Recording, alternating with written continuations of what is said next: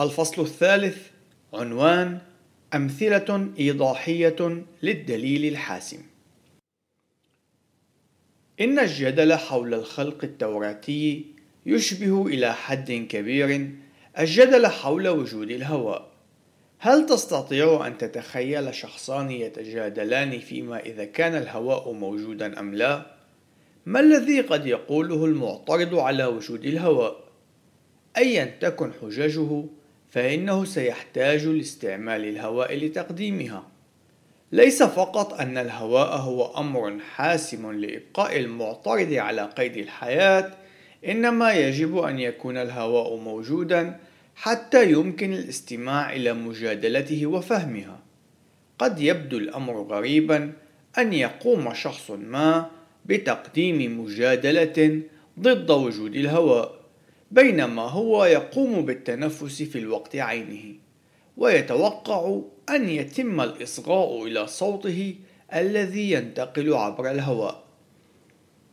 وبالتالي فإنه لكي يكون المعترض قادرا على تقديم مجادلته فإنها يجب أن تكون خاطئة. وبطريقة مشابهة يحتاج التطوري أن يستعمل المفاهيم الخلقية التوراتية في سبيل أن يكون قادرا على تقديم مجادلته ضد الخلق التوراتي. فمن أجل أن تكون مجادلته ذات معنى يجب أن تكون خاطئة. والساخر في الأمر هو أن حقيقة قدرة التطوريين على المجادلة ضد الخلق هي إثبات أن الخلق هو حقيقة. فالتطوريون يحتاجون أن يقوموا بافتراض الشروط المسبقة لقابلية الوضوح حتى يكونوا قادرين على تقديم أي نوع من الجدل.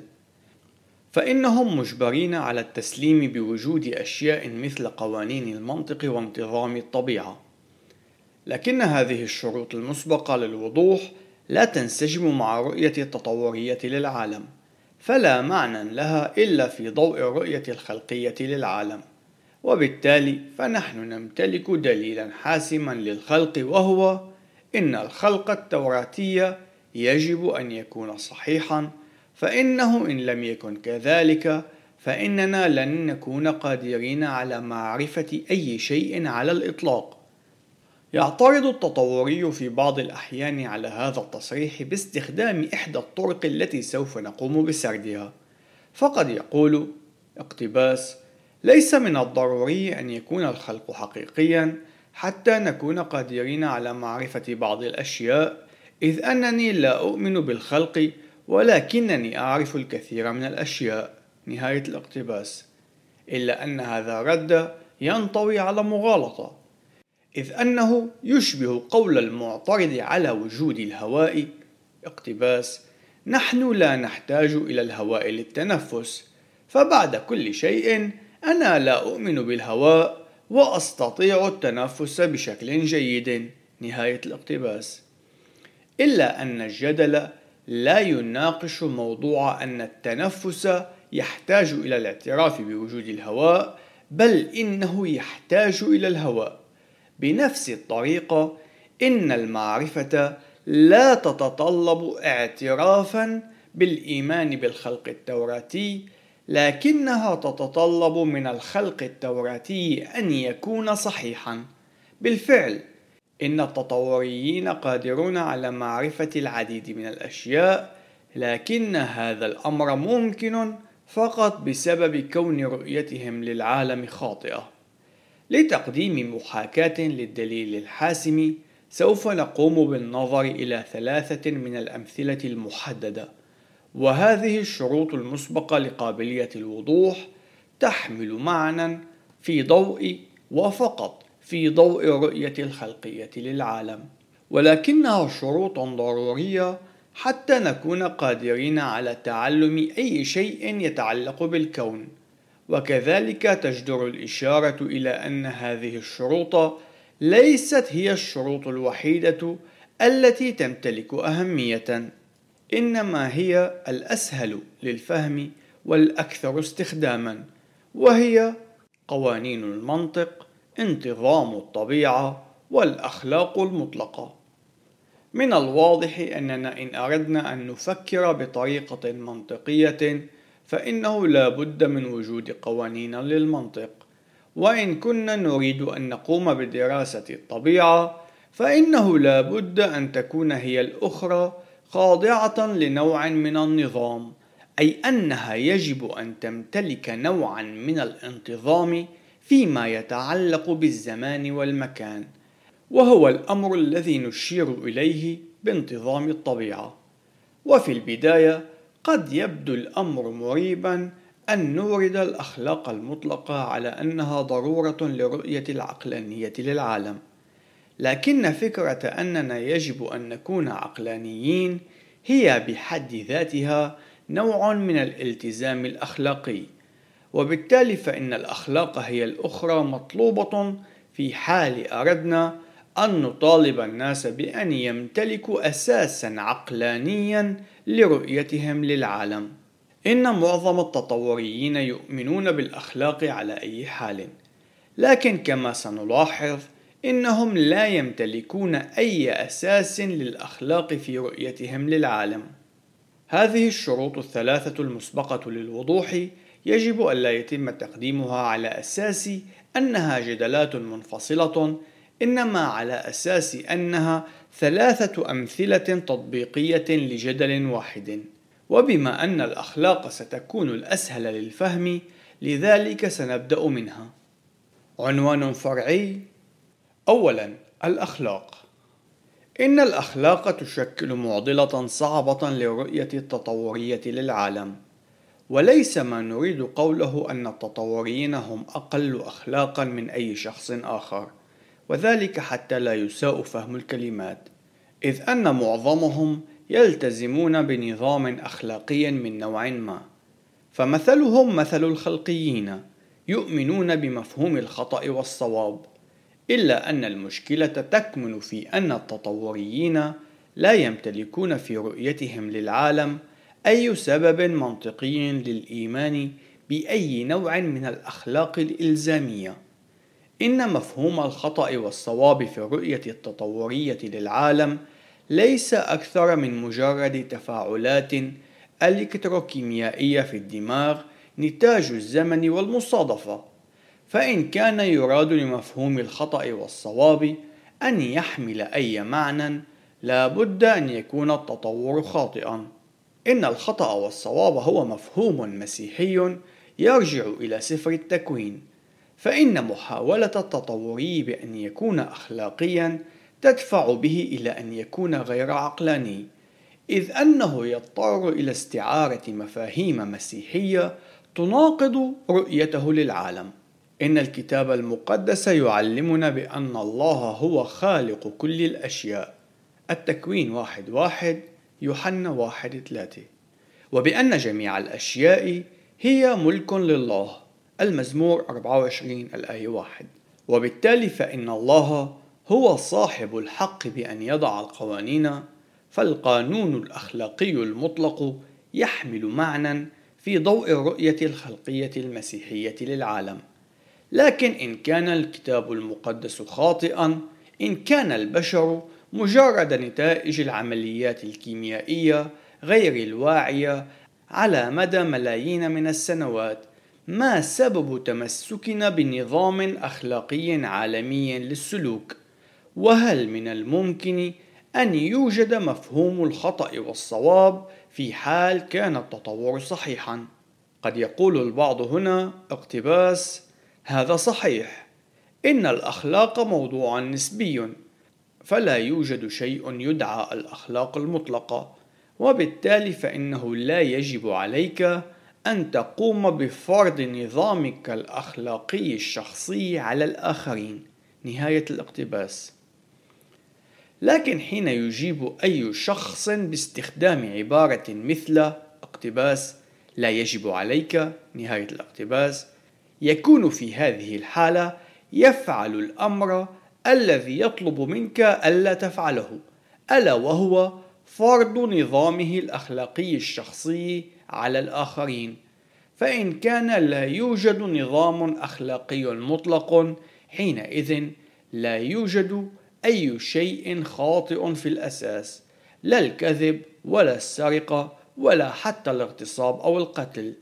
لكن الناس غير قادرين على العيش وفق معيار لا أخلاقي. البعض قد يجيب اقتباس حسنا. أنا أؤمن بالخطأ والصواب. وكذلك أؤمن بالتطور وبالتالي فإنه من الواضح أنه يمكن التوفيق بينهما. نهاية الاقتباس. لكن هذا الرد ليس مترابطا. فالأشخاص يستطيعون أن يكونوا غير عقلانيين إذ أنهم قادرون على التصريح بالإيمان بأشياء متناقضة بعضها مع بعض. فالسؤال ليس حول ما يعتقده الناس حيال بعض الأشياء إنما السؤال هو حول الأشياء نفسها هل من الممكن أن يكون لمفهوم الخطأ والصواب أي معنى بمعزل عن الله الذي أعلن عن ذاته في الكتاب المقدس؟ هل يوجد تبرير للأخلاق وفق رؤية التطورية للعالم؟ في رد على هذه التساؤلات قد يجيب التطوري اقتباس بالطبع إن الناس قادرين على اختراع قوانينهم الأخلاقية الشخصية بمعزل عن وجود الله. هم قادرون على تبني معايير خاصة عن الخطأ والصواب. نهاية الاقتباس. إلا أن هذا النوع من التفكير التعسفي سوف يقود إلى نتائج عبثية. فإن كان كل شخص قادر على وضع معاييره الأخلاقية الشخصية، حين ذاك لن يكون أي شخص قادر على أن يجادل حول خطأ ما يفعله الأشخاص الآخرون إذ أنه يحق لهم أيضا أن يضعوا معاييرهم الأخلاقية الشخصية. على سبيل المثال، قد يختار أحد الأشخاص معيارا أخلاقيا شخصيا بحيث يكون القتل هو أمر مقبول بشكل كامل. ذلك قد يثير حميتنا وغضبنا. لكن كيف لنا أن نجادل بأنه من الخاطئ أن يقوم الآخرون بالقتل ذلك إن كانت الأخلاق مجرد معيار شخصي إن كانت الأخلاق مجرد معيار شخصي فإنه لن يكون من الممكن إدانة هتلر نتيجة أعماله ذلك أنه كان يتصرف بناء على المعيار الذي اختاره ومن الواضح أن هذا الأمر غير مقبول. بعض التطوريين يجادلون بوجود معيار قياسي مطلق فيقولون اقتباس الصواب هو ما يجلب أكبر قدر ممكن من السعادة لمعظم الناس. نهاية الاقتباس. إلا أن هذا تعسفي أيضا. فلماذا يجب أن يتم اختيار ذلك المعيار دونا عن بقية المعايير المخالفة له؟ إضافة إلى ذلك لاحظ أن هذه استعارة للموقف المسيحي من الآخر فإنه في ضوء رؤية المسيحية للعالم يجب أن نهتم بما يجلب السعادة إلى الآخرين على اعتبار أنهم مخلوقين على صورة الله لكن إن كان الآخرون مجرد مخرجات لحوادث كيميائية لماذا يجب أن نهتم لسعادتهم؟ فالاهتمام بالآخرين ليس له أي معنى في الكون التطوري ربما يدعي التطوري أن الأخلاق هي ما تتفق عليه الأغلبية لكن هذا الادعاء يمتلك عيوبا مشابهة للادعاءات الأخرى لأنه مجرد تحويل الرأي غير المبرر من كونه رأي شخص واحد إلى كونه رأي مجموعة من الأشخاص وهذا أمر تعسفي ويقود إلى نتائج عبثية. ومن جديد سوف نجد أنفسنا عاجزين عن إدانة أعمال معينة نحن على يقين بأنها خاطئة. فإن هتلر كان قادرا على إقناع الأغلبية من شعبه بأن ما عمله كان صوابا لكن قناعتهم بهذا لم تجعل منه محقا. بدون الإله الذي يتم تقديمه من خلال الكتاب المقدس سيتم تقييد مفهوم الخطأ والصواب إلى مجرد تفضيلات شخصية فلن يكون للتصريح القائل بأن القتل خاطئ أي معنى في الكون التطوري عدا أنه مجرد رأي شخصي من مستوى الرأي الذي يقول بأن اللون الأزرق هو لوني المفضل. وفي حال امتلك الآخرون رأيا مخالفا له فلن يكون لدينا أي قاعدة لنتجادل معهم. وبالتالي فإن التطوريين حين يتكلمون عن الأخلاق على أنها معيار حقيقي يجب أن يتبعه الناس يكون موقفهم هذا مخالفا لرؤيتهم المعلنة للعالم. عنوان فرعي التناقض التطوري. فلنأخذ مثالا على ذلك. ولنتأمل في أولئك التطوريين الذين يهتمون بالأطفال الذين يتم تعليمهم عن الخلق حيث يقولون اقتباس هذا خاطئ. إذ أنه يجب ألا تكذبوا على الأطفال. نهاية الاقتباس. لكن مهلا. هذه مغالطة التماس السؤال أي التهرب من السؤال. إذ أن مصداقية أو زيف الخلق هو الموضوع قيد النقاش. ونحن مقتنعون تماما بأن الخلق هو حقيقة وأن التطور هو الكذب. لكن حقيقة عبثية هذا الطرح هي في أن الجدال الذي يقدمه التطوريون يخالف رؤيتهم للعالم. ففي ظل الرؤية التطورية لماذا يجب أن لا نكذب؟ لا سيما إن كان ذلك يسهم في رفع قدرتنا على البقاء. من المؤكد أن المسيحيين يؤمنون بأن الكذب خطيئة، ولكن المسيحيون يمتلكون سببا لذلك، إذ أن الله قد أشار في كلمته المقدسة إلى أن الكذب يناقض طبيعته.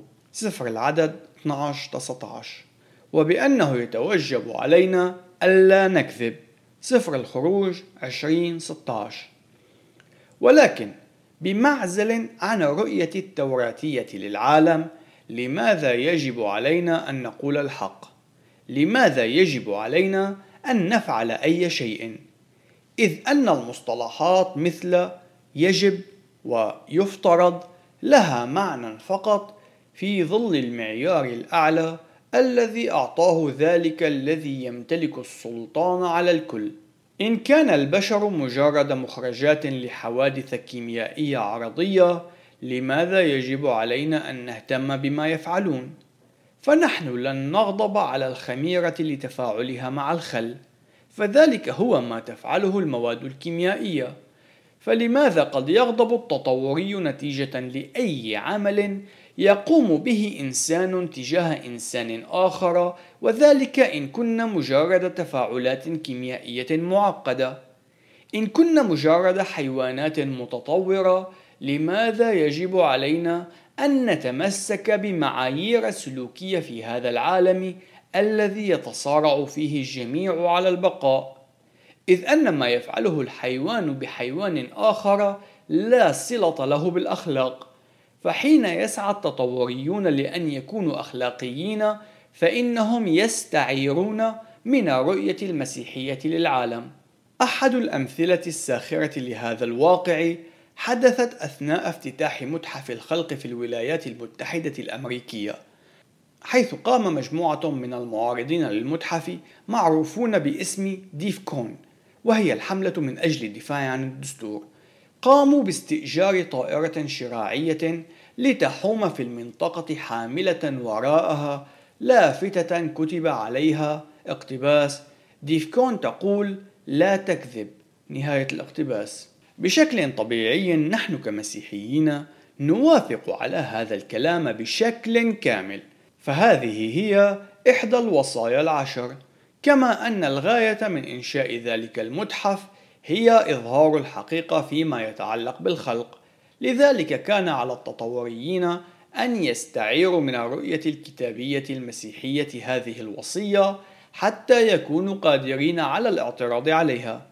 إن الاعتراض الذي قدمته منظمة ديفكون لا يحمل أي معنى في الكون التطوري، بالرغم من الشكر الجزيل لهم لذلك الإعلان المجاني للمتحف. عنوان فرعي فهم الموقف التطوري. بالرغم من أن رؤية المسيحية تقدم شرحا وسببا للأخلاق إلا أنها تتعدى ذلك وتقدم السبب الذي يدفع بالتطوريين إلى أن يقوموا بهذه التصرفات التي يقومون بها. فحتى أولئك الذين لا يمتلكون أي قاعدة للأخلاق في ظل رؤيتهم للعالم ولكنهم يتمسكون بالقيم الأخلاقية هم يعرفون في أعماق قلوبهم بوجود الله الخالق حتى في ظل إنكارهم له واعترافهم بالنقيض. فالوحي المقدس يقول بأن الجميع يعرفون الإله لكنهم يحجزون الحقيقة. رسالة رومية واحد في الآيات 18 إلى 21 لكن لماذا يقوم أي شخص بشيء مماثل؟ جميعنا قد ورثنا الطبيعة الخاطئة ونعني بذلك الميل إلى التمرد على الله من آدم. رومية 5:12 وهو الذي تمرد على الله في جنة عدن. سفر التكوين الأصحاح الثالث. ويشير الوحي المقدس في يوحنا 3:19 إلى أن الناس يفضلون أن يبقوا في الظلمة الروحية بدلا من أن يتم كشف أعمالهم الشريرة. على شبه العمل الذي قام به آدم حين حاول أن يختبئ ويتهرب من الحضرة الإلهية في التكوين 3:8 حيث أن نسله قد فعلوا الأمر عينه إلا أن الحل لمشكلة الخطيئة ليس من خلال محاولة إخفائها بل بالحري الاعتراف بها والتوبة عنها. يوحنا 1 9 ولوقا 5 32 فالمسيح أمين أن يغفر لجميع الذين يدعون باسمه. رومية 10 13 يمكن القول أن الجميع تقريبا يؤمنون بضرورة التصرف وفق معايير أخلاقية معينة لكن لكي يكون للقيم الأخلاقية أي قيمة لا بد أن يكون الخلق التوراتي حقيقيا. وبما أن الله قد خلق الجنس البشري فهو صاحب السلطان في إقرار المعايير التي تحدد الخطأ والصواب ونحن نكون مسؤولين أمامه عن أعمالنا وتصرفاتنا. لذلك يجب علينا أن نستنتج ختاما بأن التطوريين لا يتمتعون بالعقلانية حين يتحدثون عن الخطأ والصواب إذ أن هذه المعايير الأخلاقية لا معنى لها في الكون التطوري. عنوان فرعي. ثانيا قوانين المنطق. إن الاستنتاجات العقلانية تتطلب استخدام قوانين المنطق وبالتالي فإن الرؤية العلمانية للعالم يجب أن تكون قادرة على تقديم تبرير لوجود قوانين مثل هذه. على سبيل المثال فلنتأمل في أحد قوانين المنطق وهو قانون عدم التناقض. فإن هذا القانون ينص على أن التناقض هو خاطئ. فأنت لا تستطيع أن تمتلك اقتباس ألف نهاية الاقتباس واقتباس ليس ألف نهاية الاقتباس في الوقت عينه وفي ذات العلاقة حيث أن الحرف ألف يشير إلى أي ادعاء. على سبيل المثال إن التصريح القائل اقتباس سيارتي متوقفة في المرآب وسيارتي ليست متوقفة في المرآب. نهاية الاقتباس. هو بالضرورة خاطئ وذلك بالاعتماد على قانون عدم التناقض. وسيقوم أي شخص عقلاني بالقبول بهذا القانون. لكن عددا قليلا جدا من الأشخاص سيتوقفون للتساؤل قائلين اقتباس. ما هو سبب صواب هذا القانون؟ ما هو سبب وجود قانون لعدم التناقض أو بالأحرى لماذا يوجد أي قانون من قوانين التفكير المنطقي؟ نهاية الاقتباس. إن المسيحية يستطيع الإجابة على هذا السؤال إذ أن المسيحية يمتلك معيارا مطلقا للتفكير والمنطق، فالله هو قدوتنا في طريقة تفكيرنا ويجب أن تكون أفكارنا مماثلة لأفكاره ونحن نعرف بطريقة محدودة ومقيدة كيفية تفكير الله إذ أنه كشف لنا بعضا من أفكاره من خلال كلمته. وفقا لسفر التكوين فإن الله قد خلق الإنسان على صورته التكوين واحد ستة وعشرين وبالتالي فإننا يجب أن نتمثل به. الرسالة إلى أهل أفسس خمسة واحد. إن قوانين المنطق هي انعكاس لطريقة تفكير الله وهي الطريقة التي يريدنا أن نفكر بها. إن قانون عدم التناقض ليس مجرد رأي شخصي للطريقة التي يجب أن نفكر بها إنما ينبع من الاتساق المنطقي لطبيعة الله فالله لا يستطيع أن ينكر ذاته. الرسالة الثانية التي مثاوس 2:13 والحقيقة هي كامنة في الله. يوحنا 14:6 ورسالة إلى أهل كولوسي 2:3 لذلك فإن الحقيقة لن تناقض نفسها. وبما أن الله هو من يحمل هذا الكون بكلمة قدرته. الرسالة إلى العبرانيين واحد ثلاثة فإن المسيحي الملتزم بالتعليم التوراتي سوف لن يتوقع أن يحدث أي تناقض في الكون في أي وقت من الأوقات. إن قوانين المنطق هي المقياس الإلهي للفكر وبما أن الله لا يتغير وهو صاحب السيادة والسلطان وذو الطبيعة غير المادية فإن أفكاره بالضرورة ستكون تجريدية كونية وثابتة الخصائص. وبكلمات أخرى يمكن القول بأنها غير مصنوعة من المادة وتنطبق في كل مكان وفي كل زمان. إن قوانين المنطق مرهونة بطبيعة الله غير المتغيرة وهي من الشروط المسبقة للقيام باستنتاجات منطقية. وبالتالي فإن الاستنتاجات المنطقية ستكون مستحيلة دون وجود الإله الذي يقدمه الكتاب المقدس.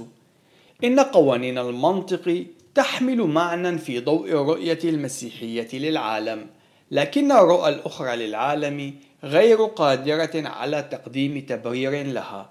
فعلى سبيل المثال بمعزل عن الكتاب المقدس كيف نعرف أن التناقضات خاطئة دوما؟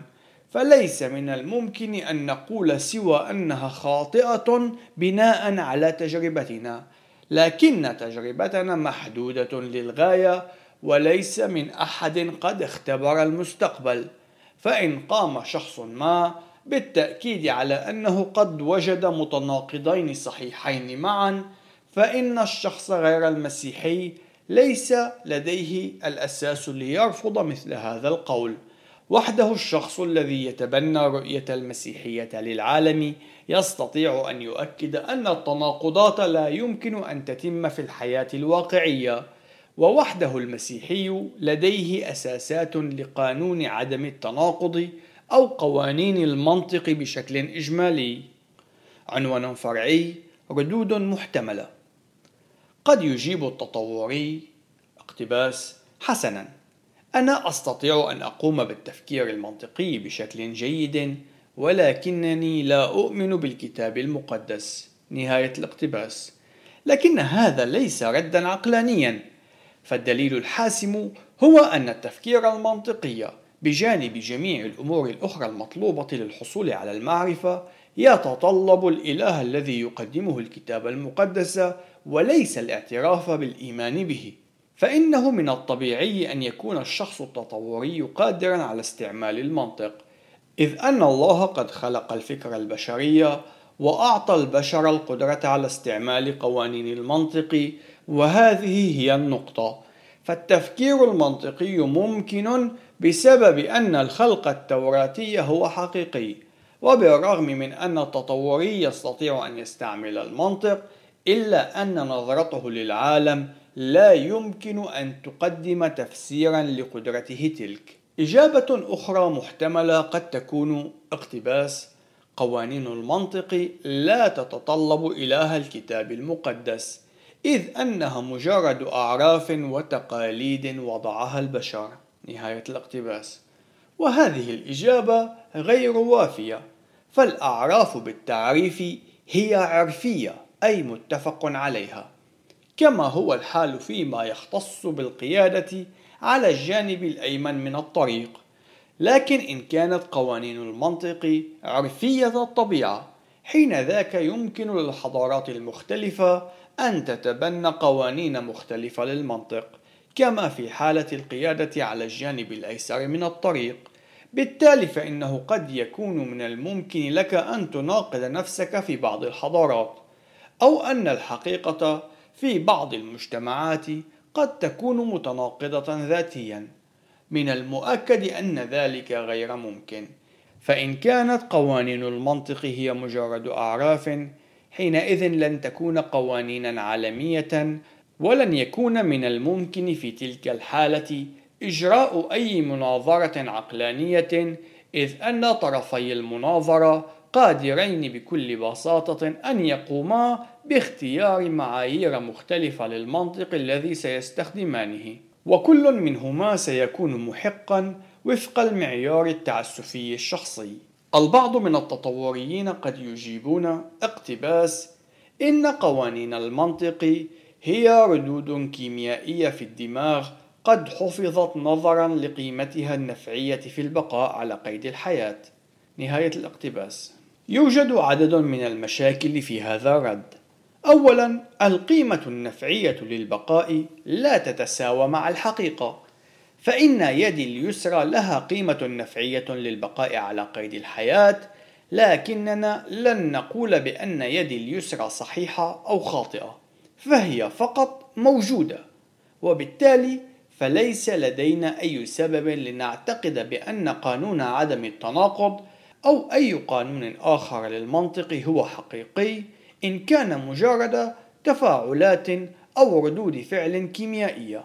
ثانيا، إن كانت قوانين المنطق مجرد انعكاسات كيميائية فلن تكون حينئذ قوانين ولن تكون كونية فلن تتجاوز في تلك الحالة حدود دماغي وبكلمات أبسط لن نستطيع أن نجادل بأن التناقض لا يمكن أن يكون صحيحا على كوكب المريخ إذ أنه لا يوجد أي دماغ شخصي على المريخ. حقيقة الأمر إن كانت قوانين المنطق مجرد ردود فعل كيميائية في الدماغ فإنها ستختلف من شخص لآخر حيث أن كل شخص لديه ردود فعل مختلفة في دماغه. ربما قد يجادل أحد الأشخاص قائلا اقتباس قوانين المنطق هي وصف لكيفية تصرف وعمل العالم المادي. نهاية الاقتباس. وهذا الرد يفشل أيضا ولعدد من الأسباب. أولا إن قوانين المنطق هي عبارة عن مفاهيم في طبيعتها فهي لا تقدم توصيفا لواحد من أبعاد الكون. إنما توصف السلسلة السليمة للمنطق من الفرض إلى الاستنتاج. ثانيا، إن كانت قوانين المنطق هي توصيف للعالم المادي، حينئذ يمكننا أن نتوقع أن تمتلك الجوانب المختلفة من الكون قوانين مختلفة للمنطق، وذلك على اعتبار أن المناطق المختلفة من الكون توصف بطريقة مختلفة. لكن قوانين المنطق تنطبق في كل مكان ثالثا سوف لن يكون لدينا أي وسيلة لمعرفة أن قوانين المنطق تنطبق في المستقبل كما انطبقت في الماضي حيث أنه ليس من أحد قد اختبر الكون المستقبلي فالظروف تتغير في الكون بشكل مستمر وإن كانت قوانين المنطق هي عبارة عن توصيف لظروف مماثلة فبالضرورة أنها ستتغير هي الأخرى. البعض قد يقول اقتباس إن قوانين المنطق هي وصف لكيفية تفكير الدماغ نهاية الاقتباس لكن إن كان ذلك صحيحا فلماذا حينئذ سنحتاج لقوانين المنطق حتى نصحح طريقة تفكير الدماغ؟ إن كانت قوانين المنطق هي مجرد وصف لطريقة تفكير الناس حينئذ لن يكون من الممكن لأي شخص أن يخرق قوانين المنطق إذ أن جميع الناس بالضرورة يفكرون وفق هذه الطريقة. وكما في الردود الأخرى فإن قوانين المنطق ستفقد قوتها كمعيار قانوني في حال كانت مجرد أوصاف لعملية معالجة الأفكار. يتجه البعض من التطوريين بكل بساطة إلى اتخاذ الموقف البراغماتي باستخدام عبارة أنا أستخدم قوانين المنطق كونها نافعة أي سليمة نهاية الاقتباس الأمر المؤسف بالنسبة لهؤلاء أنهم لا يقدمون إجابة على السؤال فنحن جميعا متفقون على أنه يمكن استخدام قوانين المنطق والعمل بها ذلك كونها سليمة. إنما السؤال هو ما سبب وجود قوانين المنطق في المقام الأول؟ وكيف للتطوري أن يقوم بتفسير المعايير المطلقة للتفكير المنطقي أي قوانين المنطق على سبيل المثال. في العالم العرضي التطوري المعتمد على المصادفة لماذا سيوجد معايير عالمية ثابتة؟ عنوان فرعي إجابات إضافية. غالبا ما يستخدم التطوريون واحدا من الردود السابقة بصيغها المختلفة. لذلك فإن قمت بدراستها وفهمت عيوبها سوف لن تواجه أي مشكلة في تفنيد أي محاولة لاستخدام أحد هذه الردود التي قد تقدم على الدليل الحاسم. لكن سيكون من المفيد أن نقوم بذكر بعض الردود القليلة الاستخدام. في الغالب يتم استخدام هذا الرد كرصاصة أخيرة حيث يقر التطوري بأنه عاجز عن تقديم تفسير لقوانين المنطق ولكنه سيقوم بإضافة اقتباس. لكنك أنت أيضا عاجز عن ذلك. نهاية الاقتباس. إن هذا رد معيب.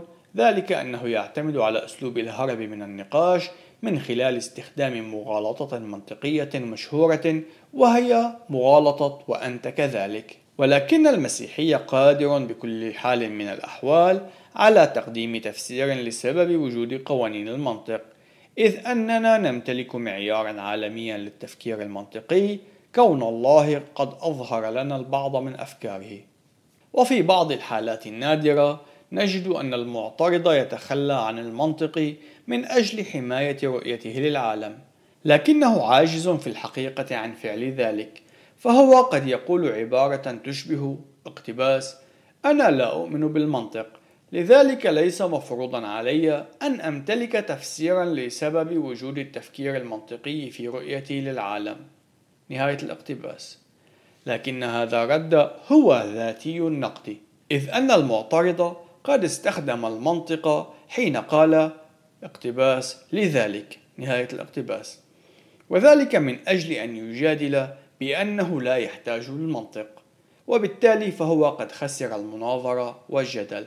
إذ أن الجدل الذي نقدمه هو أن المؤمن بالخلق التوراتي هو وحده من يمتلك قاعدة منطقية وعقلانية لسبب وجود قوانين المنطق. لذلك فإن الموقف التطوري هو ذو طبيعة غير عقلانية فهو حين يحاول أن يتخلى عن المنطق يقر بهزيمته. إن قوانين المنطق تتسبب بمشكلة كبيرة بالنسبة للتطوريين إذ أن التطوريين بشكل عام متيقنين من حاجتهم لأن يكونوا منطقيين لكنهم في الوقت عينه متيقنون أيضا من عدم وجود أي أساس لقوانين علم المنطق في ظل رؤيتهم التي يعترفون بها.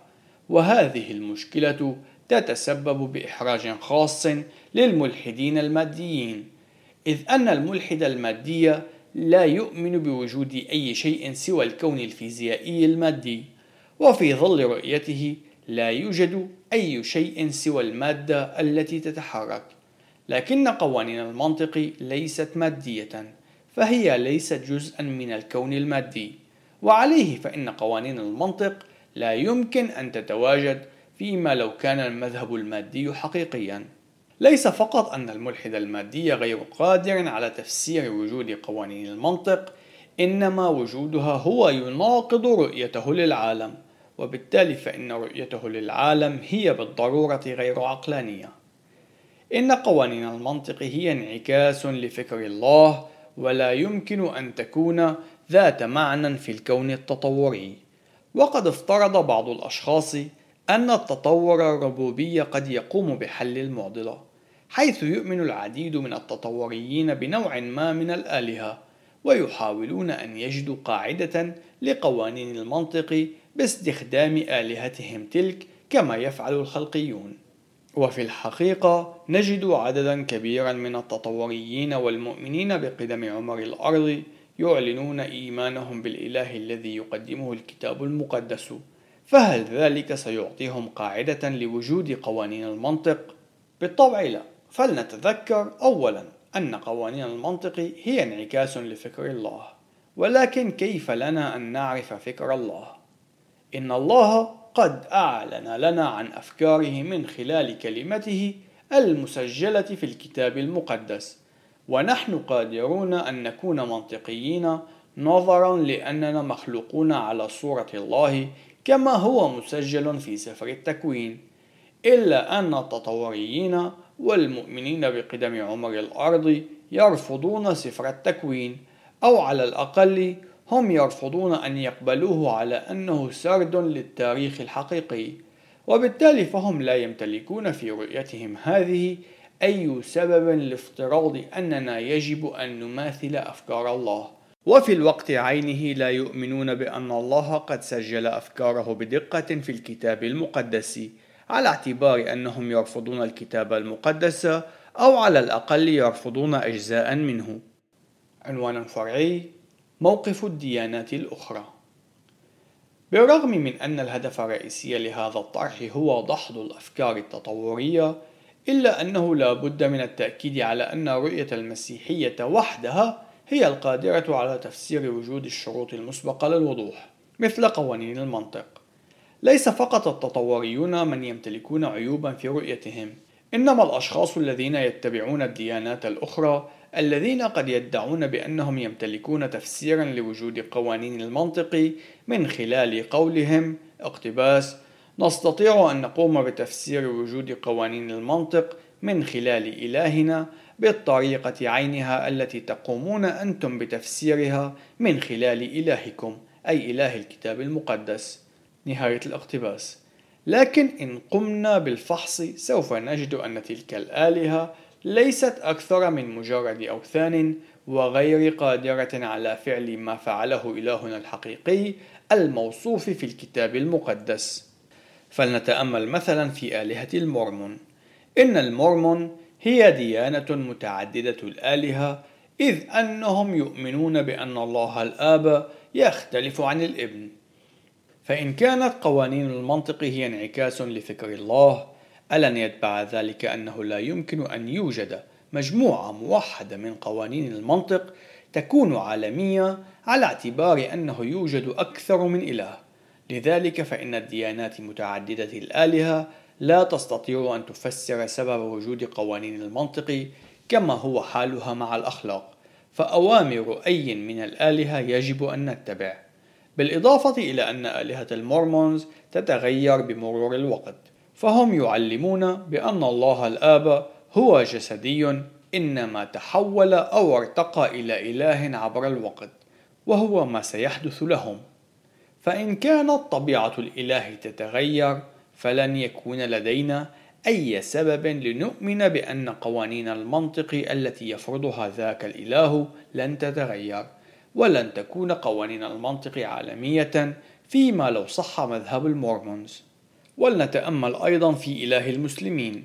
فهل من الممكن أن تكون قوانين المنطق هي انعكاس لفكر إله الإسلام؟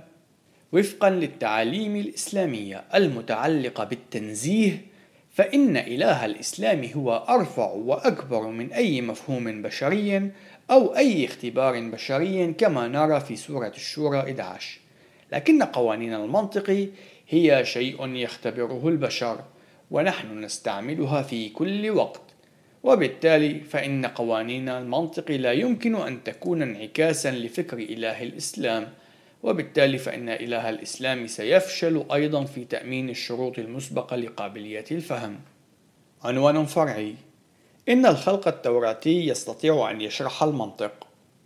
بما أن الإله الذي أعلن عن ذاته في الوحي المقدس هو غير مادي وكلي القدرة وكلي الوجود وخارج حدود الزمن فإنه من المفهوم أن نمتلك قوانين للمنطق تكون غير مادية عالمية وغير متغيرة. بما أن الله قد أعلن عن نفسه للإنسان فنحن نستطيع أن نتعلم ونستخدم المنطق. وبما أن الله قد خلق الكون وهو خلق ذهننا. فإنه من المفهوم أن أذهاننا ستكون قادرة على دراسة وفهم الكون لكن إن كانت أذهاننا أو الكون عبارة عن نتاج عمل المصادفة والزمن كما يجادل التطوريون لماذا سنتوقع بأن يكون للكون أي معنى؟ كيف للتكنولوجيا والعلم أن يكونا ممكنين؟ إن كلا من التفكير المنطقي والعلم والتكنولوجيا تحمل معنى في ضوء الرؤية الخلقية التوراتية للعالم فالمسيحي المتمسك بالكتاب المقدس يمتلك أساسا لهذه الأشياء في حين أن التطورية لا يمتلك أي أساس لها. وهنا لا نريد أن نقول بأن التطوريين لا يستطيعون أن يكونوا منطقيين في بعض الأشياء بل العكس إذ أنهم مخلوقون على صورة الله وقادرون على التعامل بقوانين المنطق التي تعكس فكر الله لكنهم لا يمتلكون أساسا عقلانيا لها في ظل رؤيتهم للعالم. بنفس الطريقة التي أظهرناها سابقا التطوريون قادرون على أن يكونوا أخلاقيين لكنهم لا يمتلكون أساسا للأخلاق بناء على رؤيتهم للعالم التي يعلنون إيمانهم بها. إن الإنسان التطوري يسير وفق حزمة من التناقضات فهو يستعمل المنطق ويدرس العلوم في الوقت عينه ينكر الله الذي يجعل من العلوم والمنطق أمرا ممكنا. ومن جانب آخر فإنه وفق رؤية المسيحية للعالم سيكون لكل من المنطق والخبرات البشرية معنى. عنوان فرعي ثالثا انتظام الطبيعة. هذا ينقلنا إلى المثال التوضيحي الثالث للدليل الحاسم والمفضل لدي. ألا وهو انتظام الطبيعة. قد جادل البعض من التطوريين بأن القيام بالعلم هو أمر غير ممكن بدون التطور ويعلمون بأن العلم والتكنولوجيا يتطلبان بالحقيقة مفهوم تطور الجزيء إلى إنسان ويدعون بأن أولئك الذين يحتفظون بالرؤية الخلقية للعالم يشكلون خطرا قد يؤدي إلى عدم القدرة على فهم العلوم. بوصف عالما يجب أن أقر أنني أجد هذه الادعاءات عبثية للغاية ومن السهل دحضها. ومن سخرية الأمر أن التطور هو مفهوم مناقض لمفهوم العلم، حيث أنه إن كان التطور صحيحا فلن يوجد أي معنى لمفهوم العلم. فالعلم يتطلب الإطار الخلقي للكتاب المقدس حتى يكون إجراءه أمرا ممكنا وبالتالي فإنه يتبين أن التطوريين يميلون لأن يكونوا ضد العلم أكثر من أن يكونوا علميين عنوان فرعي الشروط المسبقة للبحث العلمي في سبيل القيام بالبحث العلمي نحن نأخذ وبشكل مسلم أن الكون هو قابل للفهم أي أنه قابل للقياس بطريقة كمية يمكن للعقل أن يفهمها. فنحن نفترض أن الكون هو منطقي ومنتظم ويخضع لقوانين رياضية مستقرة عبر الزمن والفضاء. وبالرغم من اختلاف الظروف في القطاعات المختلفة من الفضاء ومن تمايز الحقب التاريخية إلا أنه يوجد نوع من الأساس الموحد وبسبب وجود هذا النوع من الانتظام في الكون فإنه يوجد العديد من الأمثلة التي تمكن العلماء من إجراء توقعات ناجحة تتعلق بالمستقبل. على سبيل المثال، يستطيع علماء الفلك أن يقوموا بحساب ناجح للمواقع التي تتخذها كل من الكواكب والأقمار والكويكبات في المستقبل البعيد، وبدون انتظام الطبيعة لن يكون من الممكن القيام بهذه التنبؤات. ولن تكون العلوم موجودة. إن المشكلة التي تواجه التطوريين هي أن هذا النوع من الانتظام لا معنى له إلا في ضوء الرؤية الخلقية للعالم إن الخلقية سوف يتوقع أن يوجد نظام في الكون لأن الله قد صنع كل الأشياء التكوين واحد واحد ويوحنا واحد ثلاثة وقد فرض قانونا على الكون. وبما أن الكتاب المقدس يعلم بأن الله يدير كل الأشياء بقدرة كلمته رسالة العبرانيين واحد ثلاثة فإن الخلقية سيتوقع أن يعمل الكون بطريقة منتظمة منطقية وتمتلك نوعا من النظام. علاوة على ذلك إن الإله يمتلك ثوابت صموئيل الأول 15 29 سفر العدد 23 16 وهو كلي الوجود وغير محدود في المكان المزمور 139 7 إلى 8 بالتالي فإن الخلقية سوف يتوقع أن كل قطاعات الكون ستخضع للقوانين عينها حتى تلك القطاعات التي تكون فيها الشروط الفيزيائية مختلفة إلى حد كبير. إذ أن حقل علم الفلك بأكمله يعتمد على هذا المبدأ الهام من الكتاب المقدس. كما أن الله هو خارج الزمن. رسالة بطرس الثانية 3 8 وهو قد اختار أن يدير الكون بطريقة متسقة عبر الزمن وذلك لمنفعتنا. ولذلك فإنه بالرغم من أن الظروف قد تكون مختلفة في الماضي عما هي عليه في الحاضر والمستقبل فإن الطريقة التي يدير بها الله الكون وهي ما ندعوه قوانين الطبيعة سوف لن تتغير بطريقة اعتباطية تعسفية. إن الله قد أعلمنا بأنه يمكننا أن نكون على يقين من أن بعض الأشياء ستكون حقيقية في المستقبل كما هي حقيقية الآن كالفصول والدورات الفصلية وإلى ما هنالك. التكوين 822 أرمياء 33 20 و 21 لذلك فإنه وفي ظل ظروف معينة سيكون لدى المسيحي الملتزم الحق بأن يتوقع بعض مخرجات الأمور الكونية كونه يعتمد على الله الذي يدير الكون بطريقة متسقة.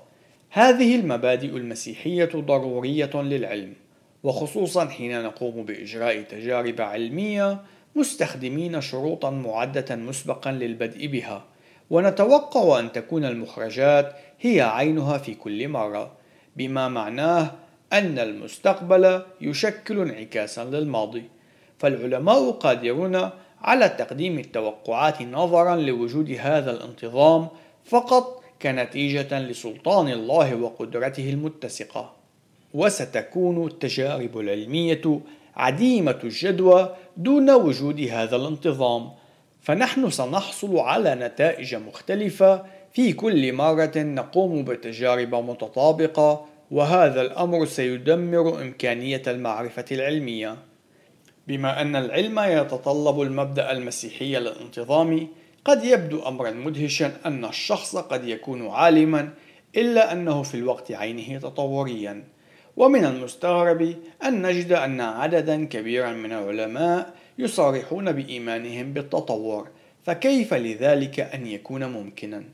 إن الإجابة هي أن التطوريون قادرون على القيام بالعلوم فقط كنتيجة للتناقض وعدم الاتساق فهم يقبلون المفاهيم المسيحية مثل الانتظام في الطبيعة في الوقت عينه الذي يرفضون فيه الكتاب المقدس الذي هو مصدر هذا المبدأ هذا النوع من عدم الاتساق هو أمر شائع في الفكر العلماني فالعلماء العلمانيون يدعون بأن الكون ليس مصمما في الوقت عينه الذي يقومون فيه بتجاربهم العلمية كما لو أن الكون مصمم ويدار بسلطان الله بطريقة منتظمة. إن العلماء العلمانيون قادرون على القيام بالعلوم فقط لكونهم يعتمدون على الافتراضات الخلقية التوراتية مثل الانتظام في الطبيعة التي تناقض اعترافهم المصرح به بالإيمان بالتطور. عنوان فرعي كيف قد يجيب التطوري؟ إن المسيحية الملتزمة بالتعليم التوراتي يستطيع أن يستعمل تجارب الماضي على أنها دليل لما هو محتمل أن يحدث في المستقبل، لأن الله قد وعدنا بأن المستقبل سوف يقدم انعكاسا للماضي كما في التكوين 822 لكن كيف يمكن لهؤلاء الذين يرفضون سفر التكوين أن يقوموا بتفسير سبب وجود هذا الانتظام في الطبيعة؟ كيف يجيب التطوري في حال تم سؤاله؟ اقتباس لماذا قد يكون المستقبل انعكاسا للماضي؟ نهاية الاقتباس. إن إحدى أكثر الإجابات استخداما هي اقتباس حسنا. إنه لطالما كان الأمر كذلك وبالتالي فأنا أتوقع بأنه سيكون كذلك دائما. نهاية الاقتباس. لكن هذا نوع من المنطق الدائري. أنا سأسلم بأن الماضي قد كان منتظما لكن كيف لي أن أعرف أن المستقبل سيحمل هذا الانتظام؟ إلا في حال كنت قد افترضت للتو بأن المستقبل هو انعكاس للماضي. أي أنني افترضت الانتظام في الطبيعة. في كل مرة نقوم باستعمال التجارب التي تمت في الماضي على أساس أنها دليل لما قد يحدث في المستقبل نكون بذلك نفترض الانتظام بشكل مسبق. فحين يقول التطوري بأنه يؤمن أنه سوف يكون هنالك انتظام في المستقبل على اعتبار أنه يوجد انتظام في الماضي. يكون بذلك محاولا أن يبرر الانتظام ببساطة من خلال افتراض وجود الانتظام. حجة دائرية مفرغة. قد يجادل التطوري بأن طبيعة المادة أن تتصرف بطريقة منتظمة. بكلام آخر إن الانتظام هو من خواص الكون وهذه الإجابة فاشلة لعدة أسباب. أولا أنها بالدرجة الأولى لا تجيب عن السؤال. ربما يكون الانتظام واحدا من جوانب الكون لكن السؤال هو لماذا؟ ماذا قد يكون أساس هذه الخاصية وفق رؤية التطورية للعالم؟ ثانيا يمكننا أن نسأل كيف من الممكن للتطوري أن يعلم بأن الانتظام هو من خصائص الكون؟ ففي أفضل الأحوال هو قادر على أن يقول بأن الكون في الماضي يبدو وأنه يمتلك بعض الانتظام. لكن كيف نعلم بأنه سوف يتابع بهذا الانتظام في المستقبل إن لم نكن نعرف بأنه يوجد انتظام باستخدام طريقة أخرى؟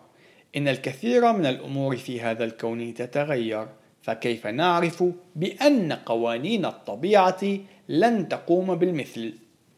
بعض التطوريين سيحاولون استعمال الإجابات البراغماتية مثل اقتباس حسنا نحن لا نستطيع تفسير السبب إلا أن الانتظام يوافقنا بشكل جيد وهو صالح لذلك نقوم باستخدامه. نهاية الاقتباس. هذه الإجابة تفشل لسببين. الأول هو أنه يمكننا أن نجادل بأن الانتظام صالح للعمل به في الماضي ولا يوجد أي سبب يدفعنا للتسليم بأنه سيستمر بالعمل في المستقبل إلا في حال أننا قد افترضنا سلفا بوجود الانتظام وهو الأمر الذي يقوم به المسيحيون فقط. وبذلك نجد أن التطوريين يقومون بافتراض أن الانتظام سيكون صحيحا في المستقبل ذلك لأنهم عاجزين عن الشروع في يومهم دون هذا الافتراض.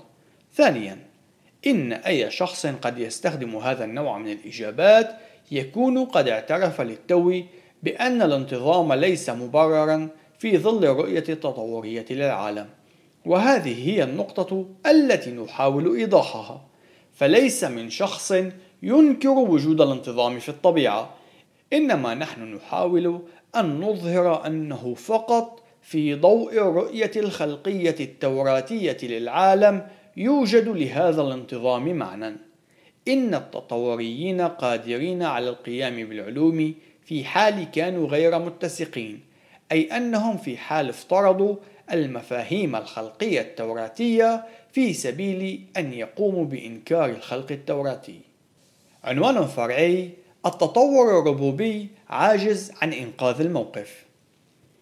البعض من التطوريين قد يجادلون بأنهم يستطيعون أن يقوموا بتبرير الانتظام بطريقة مشابهة لما يقوم به الخلقيون وذلك بالاستناد إلى الله الذي يدير الكون بطريقة شبه قانونية. فليس جميع التطوريين ملحدين إنما العديد منهم يؤمن بأن نوعا من الآلهة قد استخدم التطور ليقوم بتشكيل جميع أنواع الكائنات الحية وهذا ما ندعوه بالتطور الربوبي. لكن إضافة إله ما إلى التطور لن يقوم بتقديم حل للمعضلة. ذلك أنه لا يوجد أي ضمان بأن الإله الذي يقدمونه سوف يدير الكون بطريقة متسقة ومنتظمة كما يفعل الإله الذي يقدمه الكتاب المقدس. حتى في حال أنهم أعلنوا إيمانا بإله الكتاب المقدس فإن ذلك لن يقدم حلا للمشكلة إذ أنه يمكننا أن نسأل حينئذ اقتباس كيف يمكنك أن تعرف بأن الله سوف يدير المستقبل كما أدار الماضي؟ نهاية الاقتباس. فالخلقي التوراتي يستطيع الإجابة على هذا بالقول إن الكتاب المقدس يعلم هذا الأمر لكن التطوري لا يستطيع أن يقدم إجابة جيدة ذلك أنه لا يؤمن بالكتاب المقدس أو على الأقل لا يؤمن بكامل الكتاب المقدس كسفر التكوين مثلا. حتى نكون واضحين قد يمتلك التطوري الربوبي إيمانا قويا بأن الله أو إله من نوع ما سوف يقوم بإدارة المستقبل كما أدار الماضي وبالتالي فإن قوانين الطبيعة سوف لن تتغير مع تغير الوقت. لكن تذكر أن الإيمان بشيء ما يجب أن يمتلك تفسيرات جيدة لكي يعتبر عقلانيا ولا يمكن أن يكون مجرد رأي تعسفي فالخلقي التوراتي يمتلك أسبابا جيدة لإيمانه إذ أن الله قد أعلن في كلمته بأنه سوف يدير الكون بطريقة متسقة لكن التطوري الربوبي يحتاج إلى إنكار الكتاب المقدس بوصفه معيارا أعلى ذلك كونه ينكر سفر التكوين. لذلك السبب فهو لا يستطيع أن يقوم بالاستناد إلى الكتاب المقدس على أساس أنه يقدم قاعدة لمعرفته عن الإله. في محاولة أخيرة قد يحاول الخلقي التطوري أن يقول اقتباس لكني أقبل معظم الكتاب المقدس أنا ببساطة أرفض فقط القراءة الحرفية لسفر التكوين وبالتالي فأنا أؤمن بالانتظام وذلك اعتمادا على تعليم الكتاب المقدس نهاية الاقتباس. لكن هذا رد فاشل لسببين. أولا إن الكتاب المقدس الذي يعلم عن الانتظام يعلم أيضا أن الله قد خلق الكون في ستة أيام. ثانيا إن أساسات الانتظام تترسخ في سفر التكوين مثل التكوين 822 وهي التي يرفضها التطوري. دون الكتاب المقدس سيفقد الأساس العقلاني للانتظام فالتطور الربوبي لا يمتلك سببا جيدا للإيمان بالانتظام وبالتالي فهو لا يمتلك الأساسات التي تبنى عليها العلوم. إن الانتظام لا يتطلب فقط وجود إله من نوع ما إنما يحتاج وجود الإله الذي يقدمه الكتاب المقدس والذي أعلن عن ذاته فوحده الإله الذي هو خارج حدود الزمن والمتسق والوفي وكلي القدرة وكلي الوجود والذي أعلن عن ذاته للجنس البشري هو وحده قادر على أن يؤمن وجود الانتظام في الزمان والمكان. لذلك فإن الخلقية التوراتية يستطيع أن يفسر سبب وجود الانتظام في الطبيعة. يوجد معلومات إضافية توضح أسباب عدم عقلانية الموقف الذي يتخذه التطوريون الربوبيون في الملحق ألف. عنوان فرعي التطور ليس عقلانيا. حقيقة الأمر هي لو أن التطور كان صحيحا لما وجد أي سبب عقلاني للإيمان به. إن كانت الحياة نتيجة للتطور فذلك يعني أن عقل التطوري سيكون ببساطة نتاج ملايين من السنوات من معالجة الاحتمالات العشوائية. وسوف يكون الدماغ مجرد مجموعة من الانعكاسات وردود الأفعال الكيميائية التي حفظت نتيجة لامتلاكها قيمة إيجابية للبقاء في الماضي. وإن كان التطور صحيحا فإن جميع أفكار التطوريين ليست إلا نتيجة مباشرة للتفاعلات الكيميائية عبر الزمن. لذلك يجب على التطوري أن يفكر ويقول بأن التطور صحيح ليس لأسباب عقلانية إنما هي نتائج حتمية لردود الفعل الكيميائية. إن التحليل العلمي يفترض أن العقل البشري ليس مجرد كيمياء فالعقلانية تفترض وبشكل مسبق أننا نمتلك الحرية للنظر بشكل واع إلى الخيارات المختلفة والقيام بانتقاء الأفضل بينها إلا أن المنهج التطوري يقلل من شأن الشروط المسبقة اللازمة للتفكير العقلاني وبالتالي فهو يدمر إمكانية المعرفة والعلم. إن التطور يقف موقفا مناهضا للعلم والمعرفة فإن كان التطور صحيحا لن يكون للبحث العلمي أي معنى نتيجة لغياب أي سبب يدفعنا للقبول بوجود الانتظام في الطبيعة والذي يشكل الأساس الذي تعتمد عليه العلوم والتكنولوجيا. كما أنه لن يوجد أي سبب للاعتقاد بأن التحليل العقلاني سيكون أمرا ممكنا كون الأفكار الصادرة عن العقل البشري ليست إلا ردود فعل كيميائية. إن التطوريين قادرين على القيام بالبحث العلمي واكتساب المعارف فقط نتيجة لعدم اتساقهم وثبات أفكارهم. كونهم يؤمنون بالتطور في الوقت عينه الذي يقبلون فيه بالمبادئ الخلقية التوراتية. عنوان فرعي لماذا يغيب الاتساق؟ حين نقوم بالتأمل في مفاهيم الأخلاق المنطق والبحث العلمي نجد أن التطور وببساطة شديدة عاجز عن تبريرها وبالرغم من ذلك يؤمن التطوريون بها فكيف لنا أن نفهم هذا التضارب؟ إن الكتاب المقدس يعطينا الأساس لهذه المفاهيم وكذلك يقدم لنا الإجابة عن سبب قدرة غير المؤمنين على التحصل على المعارف في الوقت عينه الذي يرفضون فيه معرفة الخالق الذي هو مصدر كل الأشياء. إن الكتاب المقدس يخبرنا بأن الله قد أعلن عن ذاته للجنس البشري وبأن جميع الأشخاص لديهم معرفة مبدئية عن الله، إلا أن الناس قد تمردوا على الله وهم يرفضون أن يقدموا الشكر والمجد له وعوضا عن ذلك يقومون بكتم معرفتهم عن الحق وتقدم لنا رسالة روميا 1 18 إلى 25 الخلاصة اقتباس. لأن غضب الله معلن من السماء على جميع فجور الناس وإثمهم الذين يحجزون الحق بالإثم إذ معرفة الله ظاهرة فيهم لأن الله أظهرها لهم لأن أموره غير المنظورة ترى منذ خلق العالم مدركة بالمصنوعات قدرته السرمدية ولاهوته حتى إنهم بلا عذر لأنهم لما عرفوا الله لم يمجدوه أو يشكروه كإله بل حمقوا في أفكارهم وأظلم قلبهم الغبي. وبينما هم يزعمون أنهم حكماء صاروا جهلاء وأبدلوا مجد الله الذي لا يفنى بشبه صورة الإنسان الذي يفنى والطيور والدواب والزحافات.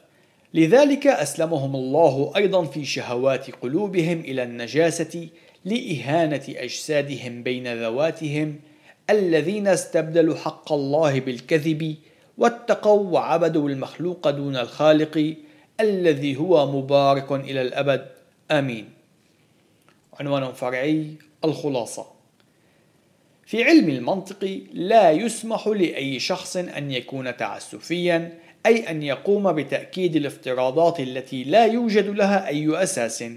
فالشخص العقلاني لا بد أن يمتلك أسبابا لما يؤمن به. وقد قمنا بعرض يشرح أن المسيحية الملتزمة يمتلك سببا جيدا ليؤمن بالشروط المسبقة لقابلية الوضوح وبأنها متوافقة مع الكتاب المقدس والخلق التوراتي فرؤية الخلقية التوراتية تؤمن الأساس والقاعدة لهذه الشروط التي نتبناها بشكل مسلمات. ولكن هذا لن يكون السبب الوحيد الذي يدفعنا للقبول بالكتاب المقدس بوصفه المعيار الأعلى لنا. بالرغم من كونه سببا جيدا إن الكتاب المقدس يزودنا برؤية للعالم تتمتع بالاتساق وتمتلك جميع المبادئ الضرورية للتفكير المنطقي والبحث العلمي والأخلاق. في حين أن التطوريين لا يمتلكون أي تبرير لهذه المبادئ فبالرغم من إيمانهم بالمنطق والأخلاق والبحث العلمي إلا أن هذه المبادئ لا معنى لها في الكون التطوري. ولذلك يحتاج التطوريون أن يقوموا باستعارة المبادئ الخلقية التوراتية في سبيل استخلاص المعنى من أي شيء. إنهم مصابون بالفصام الفكري حيث يعتمدون على رؤية للعالم في حين يؤمنون برؤية أخرى. كما هو حال المعترض على وجود الهواء يحتاج التطوري أن يستعمل ما هو مناقض لموقفه في سبيل أن يجادل لإثباته. يقوم التطوريون بشكل خاص بالاعتراض على تعليم الخلق مبررين اعتراضهم بأن هذا كذب. لكن بما أن هذا المبدأ الأخلاقي يعتمد على المبادئ التوراتية أي أن الكذب خطيئة فإن هذا الجدال لن يكون له معنى إلا في حال كان الخلق صحيحا أو أن التطوريين يعترضون بأن الخلقيين ليسوا عقلانيين. لكن العقلانية تتطلب وجود قوانين المنطق التي لا معنى لها إلا في ظل الرؤية الخلقية للعالم. وأخيرا سيجادل التطوريون بأن العلم يؤيد موقفهم لكن البحث العلمي يتطلب وجود الانتظام في الطبيعة والذي لا يحمل أي معنى إلا في حال كان الخلق صحيحا. إن التطوريين يقفون في موقف لا يحسدون عليه ذلك أنهم يجب أن يعتمدوا على حقيقة كون رؤيتهم للعالم. لا بد أن تكون خاطئة حتى يكونون قادرين على الجدال حول صحتها. إن الدليل الحاسم للخلق التوراتي هو أنه دون الخلق التوراتي لا يمكننا أن نعرف أي شيء. لقد رأينا محاكاة لثلاثة أمثلة عن الدليل في هذا الفصل كما إنه من الممكن أن يتم إيراد أمثلة كثيرة إلا أن هذه الثلاثة كافية لدحض رؤية التطورية للعالم. في الفصول التالية سوف نستعرض كيفية استعمال هذه المحاكاة في حوار عقلاني مع التطوريين أو المؤيدين لمواقف أخرى غير كتابية.